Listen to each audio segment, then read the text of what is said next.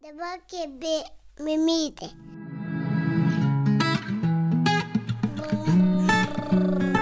Kabo mamų. Labas visiems įsijungusiems tinklalaidą Kalba mamos, su jumis sveikinuosi aš Marija Keršanskinė ir kviečiu klausyti pokalbių apie tėvystę. O šiandien noriu pakviesti paklausyti pokalbio su sertifikuota neščiųjų ir moterų po gimdymo sporto trenerė Vaiva Bertašiūtė.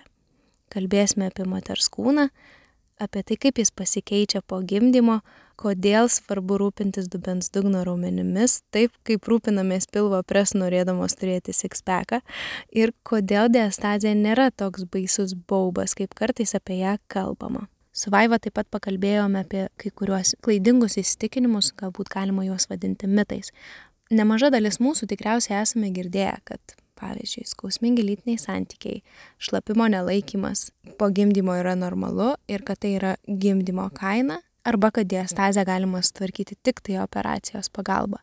Apie visą tai pakalbėsime su Vaiva ir jie papasakos plačiau, kodėl tai netiesa. Pamenu save, kai pirmojo neštumo metu bijojau aktyviau sportuoti, nes jaučiausi lik ne savam kūne, bijojau kažką padaryti ne taip, tarsi kažką sugadinti, nežinau, tiesiog toks buvo jausmas. Ir nors visą laiką gyvenau gana aktyviai ir įvairus sportas man nesvetimas, visgi būtent neštumo metu sužinojau, ką reiškia įvairiausi skausmai. Ir man tai labai nepatiko, bet besilaukdama ir studijavau ir dirbau, mane pykino per pirmąjį neštumą iki pačio paskutinio mėnesio, todėl sunkiai sekėsi rasti laiko kažkokiams specialioms neščiųjų mankštoms. Prieš pastojant antrąjį kartą pasakiau savo, kad jei tik galėsiu, jei tik sveikata leis, sportuosiu ir rūpinsiuosi savo kūnu labiau negu pirmąjį kartą nes norėjau jame jaustis gerai. Ir antrojo neštumo metu patyriau tikrai didžiulį skirtumą su pirmuoju neštumu, pradėjau lankytis neščiosioms skirtose užsiemimuose nuo 19 berots neštumo savaitės, kai tik aprimo tie nedžiuginantys rytiniai pykinimai. Ir viso neštumo metu man nieko neskaudėjo. Tai buvo taip gera. Kasdien mankštinausi iki paskutinės savaitės. Pamenu, būdama 37 savaitės neščia, su šiaurietiškomis lasdomis smagiai nužygiavau 6 km. Pasakoju tai tikrai ne tam, kad pasigirčiau. Tiesiog esu įstikinusi, kad būtent sportas, nuolatinė mankšta, man padėjo jaustis puikiai ir nekeikti neštumo dėl sustingusio kūno, skaudančios nugaros ar kojų. Nežinau, kaip jums sekasi su naujametiniais tikslais ir ar iš vis mėgstate juos savo išsikelti. Matau, kad šiandien gana populiaru apskritai juos išdėti į šuns dienas, bet aš pabūsiu senamadiška, nes man visgi naujų metų pradžia yra tam tikra puikiai proga pradėti iš naujo. Tai vienas iš pirmųjų mano pažadų savo pačiai - kuo daugiau judėti kai pajunti, kaip nuostabu gerai jausti savo kūną, tiesiog nori, kad taip ir būtų nuolat. O ta būsena reikalauja pastangų. Tai labai tikiuosi, kad šis pokalbis su Vaiva jūs paskatins labiau rūpinti savimi, savo kūnu, kūnu, kuris užaugino žmogų. Ir nors kūnas po gimdymo nebėra toks pat kaip prieš gimdymą, tai nereiškia, kad jis turi būti silpnesnis. Pradėti stiprinti kūną niekada nevėlu. O dabar pokalbis su Vaiva Bertašiūtė. Šis pokalbis buvo įrašytas Vilniaus universiteto radio stotyje Start aš vis juokauju, kad negaliu pykti ant socialinių tinklų, nes e, kad ir kaip bebūtų, man jie dovanoja labai įdomius pašnekovus. tai tave taip pat radau Instagrame, tu vadiniesi Vaiva iki dubens dugno. Taip. Tu pati žinau, esi mama. Papasakok apie save trumpai, nes iš to Instagramų nelabai ką ten iškapstyti galima apie tave. Na taip, aš kažkaip. Kas tu esi, ką veiki, esi mama? Taip, tai mhm. nežinau net nuo, nuo kur čia pradėti, kažkaip nesinori visos gyvenimo istorijos pasakot. Bet e, gal pradėsiu nuo to, kad e, jau labiau, kai, kai taip sakant, jau suaugusiu žmogum pasijutau, nu, teorijoje. Tai šiaip tai aš esu pabaigus filologijos bakalauro, kuris toks nu, kaip va, prašau. beprasmis dalykas buvo. Iš tiesų tai pabaigiau jį, nu čia niekam tada nesakiau, bet, bet iš tikrųjų tik įstojau dėl to, kadangi niekur neapsisprendžiau, bandžiau stoti į Ameriką, žodžiu, neįstojau ir tada galvoju, man čia tas pats iš tikrųjų, kur studijuoti. Bet lietuvių filologija? Jo, mhm. ir ispanų kalba. Mhm. E, tai Tai nuėjau čia, taip sakant, paskui savo draugę mokyklos. Mhm. Tai niekam nesakiau, sakiau, kad noriu studijuoti, nors iš tikrųjų lietuvių filologiją. Bet, nu kaip, nesigailiu, nes ispanų kalbą pra pramokau, paskui mhm. į Ispaniją mane tai nuvedė. E, mhm. Žodžiu, taip sakant, man atrodo, viskas turėjo tai būti. Mhm. Bet e, jau ir tada jaučiau, kad nežinau, ką aš darysiu su, su šita specialybė. Tada pasėmiau, nuėjau į magistrą vertimo anglų, ispanų mhm. kalbą. Studijavau Ispanijoje. Ir irgi, kai studijavau, galvojau, jezu, kaip mhm. neįdomu. Bet, bet paskui šiek tiek su to dirbau ir supratau, kad tikrai neįdomu.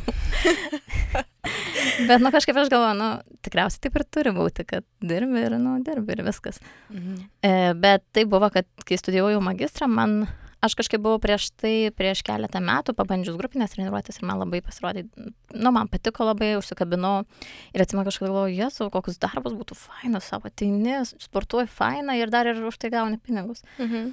Ir tada kažkaip man tėvai pasisako, tu, tu gal nori išlaikyti kursus, nu, gal nieko nedarysi su tais, bet, nu, ir aš tada, nu, gerai. Ir išsilaikiau ir iš tikrųjų pirmais metais nieko nedariau su tuo. Tada dar su vertimais ten terliojausi. Mhm. Ir, o paskui jau kažkaip pradėjau su tuo ieškoti ir tada pradėjau daugiau tų dalykų laikytis, nu, bet tokių labai ten specifinių visokių ten, visokių stilių įvairių, mhm. tų visokių treniruočių, žodžiu. Ir tada jau savo gavau tokią kaip pirmąją su tuo susijusiu darbą, Madride dirbau. Ir, nu, ir tikrai man patiko labai tas darbas, žodžiu, ten užsivarydavai, ten taip kaip ir visai veža, bet, nu, man visada būdavo toks, kad kaip ir tu matai, kad tie žmonės ne iki galo tenais. Da daro, kai kurie šiek tiek taip ir savo kenkia darydami, bet tu tuo pačiu turi visą laiką nesustoti. Na, nu, žodžiu, toks visada būdavo, ar aš tikrai pakankamai darau, kad aš padėčiau tiem žmonėm, ar aš čia labiau jiems kenkiu iš, iš principo. Tai Nu, bet, bet man iš tikrųjų tas darbas patiko, aš tada nieko net nesvarščiau, kad aš čia galėčiau nueiti kažkokią šiek tiek kitą sritį. Mm -hmm. E, bet tada aš pastojau ir tai irgi, kol pastojau, aš ten irgi variau, nieko nežinau apie tos sportus, e, kurie labiau sėtųsi su mhm. tas rytim. Ir tada, taip sakant, ilgą istoriją trumpiau, tai pagimdžiau. Ir tada supratau, kad nelabai žinau, ką, ką daryti mhm. su tuo mhm. savo kūnu nu, kaip, aš ten pasiskaičiau, tada jau pradėjau kažkaip sekti tokius šiek tiek įdomesnius profilius Instagram'e mhm. ir tada jau kaž, kažką pradėjau suprasti apie tai, bet, nu, tai vis tiek buvo toks pa, pakankamai paviršius. Ir tada paskui jau praėjus metam, po to, kai gimė dukra, tai pagalvojau, nu, gal man reikia tiesiog kaip tokį prie, priedėlį prie to, ką turiu, pasidaryti kažkokį kurselį apie, apie visą šitą sritį. Ir aš pasidariau, nu, aš visada buvau, tokia būdavau linkus labiau į užsienio tą visą mhm. rinką. Kažkaip man atrodo, kad ten tie visi tyrimai šiek tiek jų daugiau yra anglų kalba ir vis, tai kažkaip būtent tenai ieškau.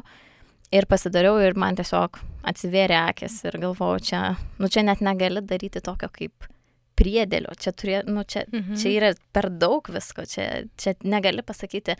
Aš galvoju, kad ten bus tas kursas, nu, nedaryk to, daryk tą, bet tai yra, nu, dalykai einantis iš gelmės. Ir tada, ir tada kaip ir prasidėjo ta visa mano kelionė šitoj, šitoj mhm. srityje. Aš tada pradėjau dar daugiau domėtis. Tai čia kaip kiti perka visokius dizainerių rankinukus, tai aš tuos, tuos visokius e, profesinius kursus perku. Mhm. Negaliu niekaip sustot. Ir tada dar buvo vienas toks etapas, kai, kai tuo pačiu metu ir vedžiau tas tokias tradicinės fitneso treniruotės vis dar, bet jau panirau žymiai taip giliau į šitą pasaulį ir tada jaučiausi tokia kaip susidvėjinus, nes vienur nueini ir ten pagal muziką kaip ir bet kaip tu stengiasi, bet mhm. tuo pačiu tau neišeina, nes pats tas formatas neleidžia to kokybiškai daryti, bent jau man tai buvo. Ir tada paskui sakau, ne, aš negaliu taip, nesvarbu, kad bus mažiau darbo, kad turėsiu tenais dėl tų praktinių sumetimų mažiau kažką daryti, bet galvoju, viskas, man laikas jau, taip sakant, specializuotis ir, ir daugiau nežiūrėti atgal.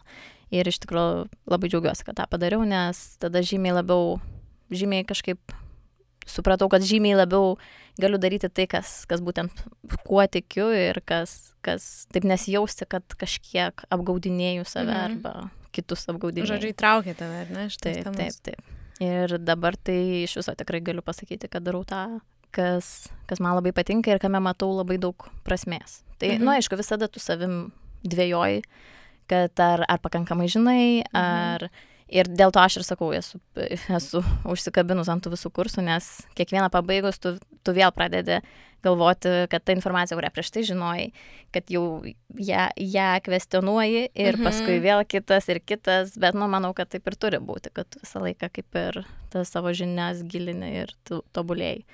Ir aš kaip ir manau, kad apskritai e, specialistai turi turi mokėti pasakyti, kad aš nežinau kažko, ar, mhm. ar iš tikrųjų turėtų sakyti, pavyzdžiui, kad čia nebūtinai yra taip, čia gali būti, aš, pavyzdžiui, labai esu nekategoriška, nes, nu, tu negali šimtų procentų pasakyti, ypač šitom temam.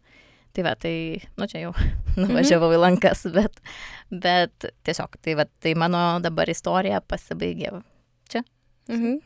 Aš taip ir įtariau, kad e, galbūt tavo asmeninė istorija, asmeninis gyvenimas gali atvesti iki šitų temų. Iš tikrųjų, tai man atrodo, kad labai dar nedaug yra Lietuvoje. Gal tai yra toks burbulo įspūdis, nežinau, nors tikrai labai daug atrodo man, manęs pasiekia ta informacija aktuali, vat, nu, mamoms, moteriams ar ne. Bet uh, tokia kaip atskira niša, man atrodo, čia yra toks vat, moters kūnas, ar ne, visą tai, kas su tuo susiję. Ir aš tikriausiai tam tikrus dalykus, kurie pasirodė labai svarbus ir galvoju, kodėl aš to nežinojau anksčiau, sužinojau tik tai prieš antrą arba po antro gimdymo ir tarp kitko daug ką pas tave skaitinėdama Instagrame. Ir šiandien dar viena mama parašė, sako, kokia puikia tema, nes labai sunku kažkaip, nu, ta informacija neateina kažkaip iki moterų ir dažniausiai viskas, ką tau pasako ten, pavyzdžiui, ta rekomenduojama, e, tas vizitas po, po gimdymo, e, berots iki kaip porą mėnesių praeina, šešios savaitės, ar ne, rekomenduoja apsilankyti. Šešios savaitės yra pas pas ginekologą. Man. Jo, pas ginekologą. Ir tada mhm. tau viskas, ką pasako, tai na, ten ar gerai išsivalė gimda, ar ne, ir taip, viskas taip. maždaug tokiu labiau, nu, techniniai, ne, dalykai. Uh, Bet e, tas, nu, kūnas pasikeitęs, su kuriuo tu lieki, tai nėra tik tai tai, kad išsivalė gimda, ar ne, tu pagimdai kūdikėlį ir tai nėra, tai nepasibaigia tuo, kad e, viskas ten susitraukia, ne, ir pagimdai, išsivalo gimda ir, na, toliau gyveni taip kaip taip, anksčiau, taip, ne. Taip. Daugybė pokyčių įvyksta moters kūne. Ir kai kurie va tie dalykai, apie kuriuos tu kalbė, ar ne, tai va būtent yra tas dubens dugnas. Ir iš vis kas tai yra? Aš tai esu tikra, kad uh, bus moterų, kurios klausys šį pokalbį ir kurių, jeigu paklaustume, kas tas dubens dugnas, nepasakytų. Tai vad, galiu pasakyti iš vis, kas tas dubens dugnas yra. Taip, tai iš viso man va čia yra keistas dalykas, kad mes kaip moteris, aš pati, pavyzdžiui, kai, kai laukiausi, nu taip, aš teoriškai gal visas mes žinom, nu maždaug kur ten yra. Mhm. Visas ten girdėjom kiegelis, kas yra. Bet taip, kad galėtumėm pasakyti, ką tie raumenys daro, kas, mm -hmm. kur jie tiksliai yra, tai, tai manau, kad, kad tikrai nėra tiek daug moterų, kurios gali tai pasakyti. Ir aš dėl to visada nuo, nuo to pradedu, nes aš manau, kad tai svarbu, kad, nu, mm -hmm. kas iš to, kad tu sakysi, ką darai su tais raumenim, jeigu tu nesupranti net, kur jie yra. Mm -hmm. e, nu, tai dubens dugno raumenis e, kaip čia dabar, aš daž, dažniausiai visai gestikuliuoju ir bandau pagal kaulus pasakyti. Mhm. Na tai tiesiog įsivaizduokim, jeigu mes atsisėstumėm su kryžiuotom kojom ir pasimtumėm tokius kaip keturis atskaitos taškus. Tai būtų gaktikaulis, kryžkaulis ir du sėdinkauliai. Ir, ta, ir jie taip sudaro tokį kaip ciferblatą, tai nu, tokį kaip paviršių apskritimą. Mhm. Tai kas yra tam apskritimo viduje, tai yra mūsų dubens dugno raumenis. Tai čia kartais atrodo, kad kad čia kalba eina tik tai, nu, mes, kai kalbam apie kokį kėgelį, tai yra sustabdyti šlapimo srovę. Mhm. Nu, tai mhm. labai taip ribotai mes galvojam, bet iš tikrųjų tie raumenys daro tiek daug mūsų kūne, jie ir dažnai visa tai, kas yra susiję ten su, su šlapinimu, su tuštinimu, su lytiniais santykiais, tai labai labai dažnai tai yra susiję su būtent šitų raumenų mhm. disfunkcija arba nu, tiesiog, kad kažkas, kažkas būtent su jais darosi. O mes dažnai galvom, kad, nebūt, kad čia galbūt tik tai, pavyzdžiui, šlapimo nelaikymas, o mhm. daugiau mhm. visa kita, tai kad, pavyzdžiui, ten skausmingi lytiniai santykiai, tai čia yra normalu. Mhm. Ir labai daug pas mane merginų yra atėjusios, kurios pasakė, kad man gynekologė sakė, kad pas tave viskas gerai. Mhm. Nors jos negali gyventi kokybiškai, ta, jų gyvenimo kokybė yra paveikta, bet joms yra sakoma, kad Mhm. joms viskas gerai. Taip, ir lytiniai santykiai, ar ne, skausmingi, tarkim, po gimdymo ir šlapimo nelaikymas. Mes, man atrodo, e, daugelis iš mūsų pakalbėtant su močiutėm, su mamom, išgirstume, kad tą, kad... Čia girdėjai pokalbio ištrauką, jei norėtum jį perklausyti visą ir taip pat išgirsti kitų daugybę įvairių pokalbių apie motinystę su mamomis ir su įvairių sričių specialistais, kviečiam tave jungtis prie Kalba Mamos narystės. Visą informaciją rasi www.kalbamamos.lt. Narės taip pat sustinka mamų rytmečiuose ir popietėse ir bendrauja, diskutuoja, dalinasi rekomendacijomis privačiuose Discordo kanaluose. Laukiam tavęs prisijungiant.